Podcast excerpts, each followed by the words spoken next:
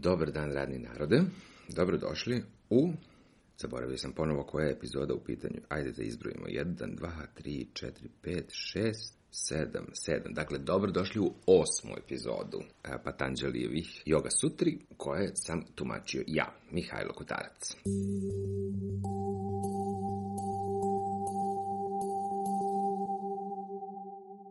Sutra možete pronaći na različitim kanalima, na Apple podcast, na Spotify, na Deezer, a možete i na mojoj stranici mihajlokotarac.com, kliknete tamo, vidjet ćete link veliki kaže podcast i uvek su epizode izlistane i tamo. Hvala što ste tu i hajde da počnemo.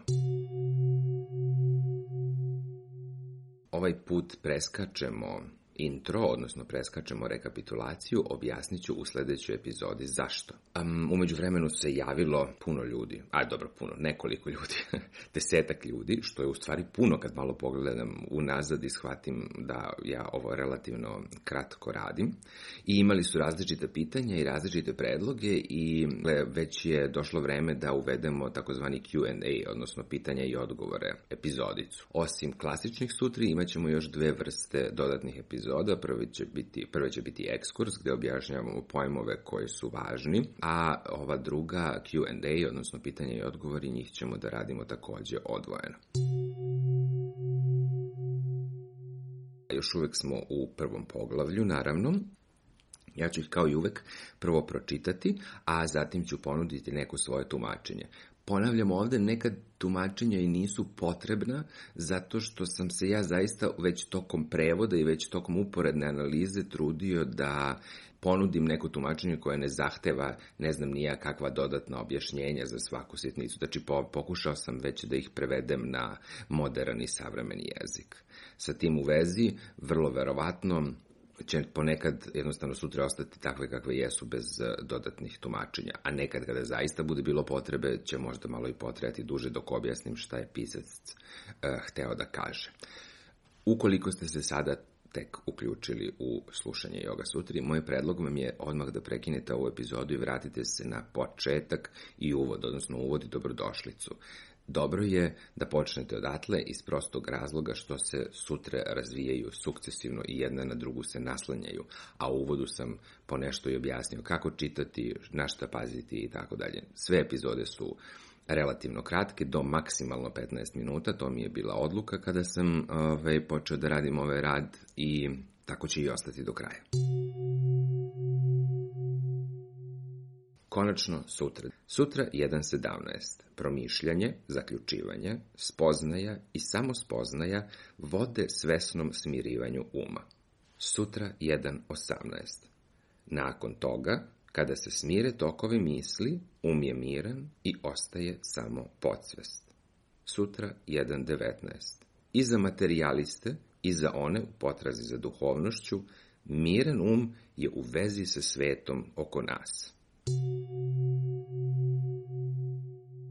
Hajde sad malo da kažemo o svakoj ponešto. U Sutri 1.17 Patanđeli nam kaže da su promišljanje, zaključivanje, spoznaja i samospoznaja putevi koji vode ka svesnom smirivanju uma. Prva pogreška koja se obnarodila i odomaćila je da je joga zaustavljanje tokova misli. Nije, joga je smirivanje tokova misli. Sa tim u vezi Patanđeli nas informiše kako možemo i trebamo da smirimo misli. Dakle, ovdje nam kaže, navodi nam četiri mentalna procesa, to su promišljanje, zaključivanje, spoznaja i spoznaja kao puteve koje vode ka svesnom smirivanju toka misli ili svesnom smirivanju uma. Meni čak deluje da su ova četiri procesa sukcesivna, dakle naslanjaju se jedan na drugi i ne samo to, nego da su usudit ću se da kažem, neka, neka vrsta podizanja, smirivanja uma na sljedeći nivo, odnosno korišćenje jednog mentalnog procesa koji se naslanja na drugi da bi li um bio što smireniji na tom putu ka samorealizaciji. On nam prvo kaže promišljanje, mi smo ljudi, to je naš posao, to je naša evolutivna potreba, evolutivna mogućnost da razmišljamo. Drugi korak je zaključivanje, odnosno na osnovu toga da li donosimo zaključke, upoređujemo sa stvarima, gledamo kako se to uklapa u našu sliku sveta, menjamo sliku sveta ako smo zaključili da je nešto pogrešno, rekli smo da postoje tačna znanja i pogrešna znanja, kada smo to uključili u sobstvenu sliku sveta, počinje da nam se sklapa taj mozaik. Došli smo do zaključka da su nam prethodna mišljenja bila ispravna ili da su nam prethodna mišljenja bila pogrešna i uklapamo sada sve to u novi setting, u novu sliku sveta, dakle dolazimo do spoznaje i na kraju samo spoznaje kao sljedeći, nazovimo ga nivo, gde zapravo integrišemo u postojeći matriks znanje. Mi sada znamo nešto novo. Koristeći ova četiri mentalna procesa, na kraju uvek dolazimo do samospoznaje. Ova četiri mentalna procesa su svesna, namerna četiri mentalna procesa. Mi želimo da radimo ovo što nam on kaže. Mi promišljamo namerno, mi zaključujemo namerno, mi spoznajemo namerno i mi dolazimo do samo spoznaje namerno. Sutra 1.18.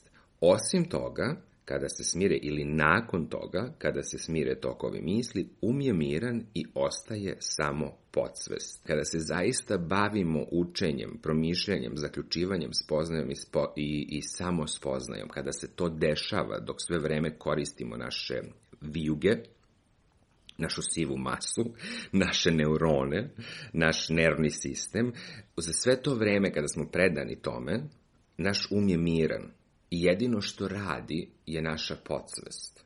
Ako se držimo tog te podele na svest i podsvest kao dva različita dela naše psihe, ovde nam Patanđeli govori da onog trenutka kada smirimo svesni deo sebe, odnosno svesni deo sobstvenog uma, da nam ostaje još i podsvest da smirimo.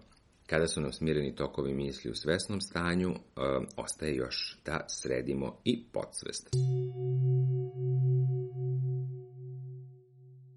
Sutra 1.19 kaže i za materijaliste i za one u potrazi za duhovnošću miran um je u vezi sa svetom oko nas.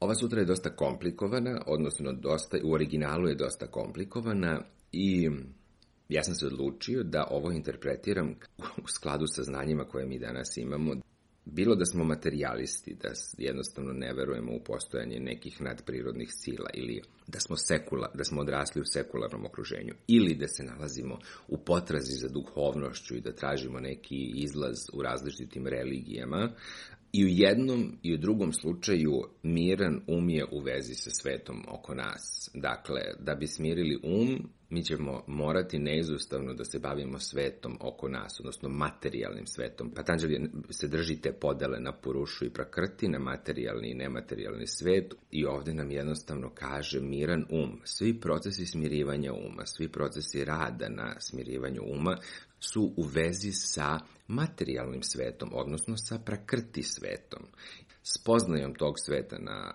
um, svesnom nivou kao i spoznajom tog sveta na nesvesnom nivou je jedino zapravo što nam ostaje jer mi nemamo nikakav uticaj po modelu ko, o kojem se bavi yoga na purušu, odnosno na taj nematerijalni svet, na idealni svet. Ono što nam jedino ostaje, i to nam ovde Patanđali kaže, Bez obzira da li smo u potrazi za duhovnošću ili smo materialisti, ne u negativnom smislu, nego u smislu da ne verujemo u nekakve nadprirodne e, zakone i u nadprirodna bića i u nadprirodne moći, i u jednom i u drugom slučaju miran um je neizostavno deo sveta oko nas i u nama koji, se, koji je materijalni svet i koji se naziva prakrti.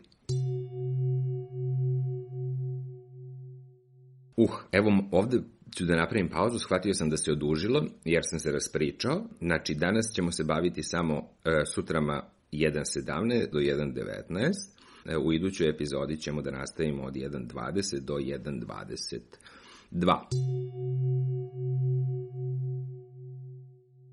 Dragi ljudi, hvala puno što ste tu, hvala na svim predlozima, hvala na svim pitanjima, Pitanja koja su do sada stigla su uglavnom, mogu da se grupišu u celine, imaju veze i sa sutrama, imaju veze i sa mnom, sa mnom, e, imaju veze i sa mnom, tako da čim ih malo analiziram, da ne odgovaram na ista pitanja dva puta, čim, ih malo, čim se budem pozabavio malo njima i grupisao ih u veće grupe, odgovorit ću i onda ćemo od toga verovatno da sad u subotu ili dal e, da početkom oktobra da napravimo jednu epizodu koja se zove pitanja i odgovori, odnosno P, U i O.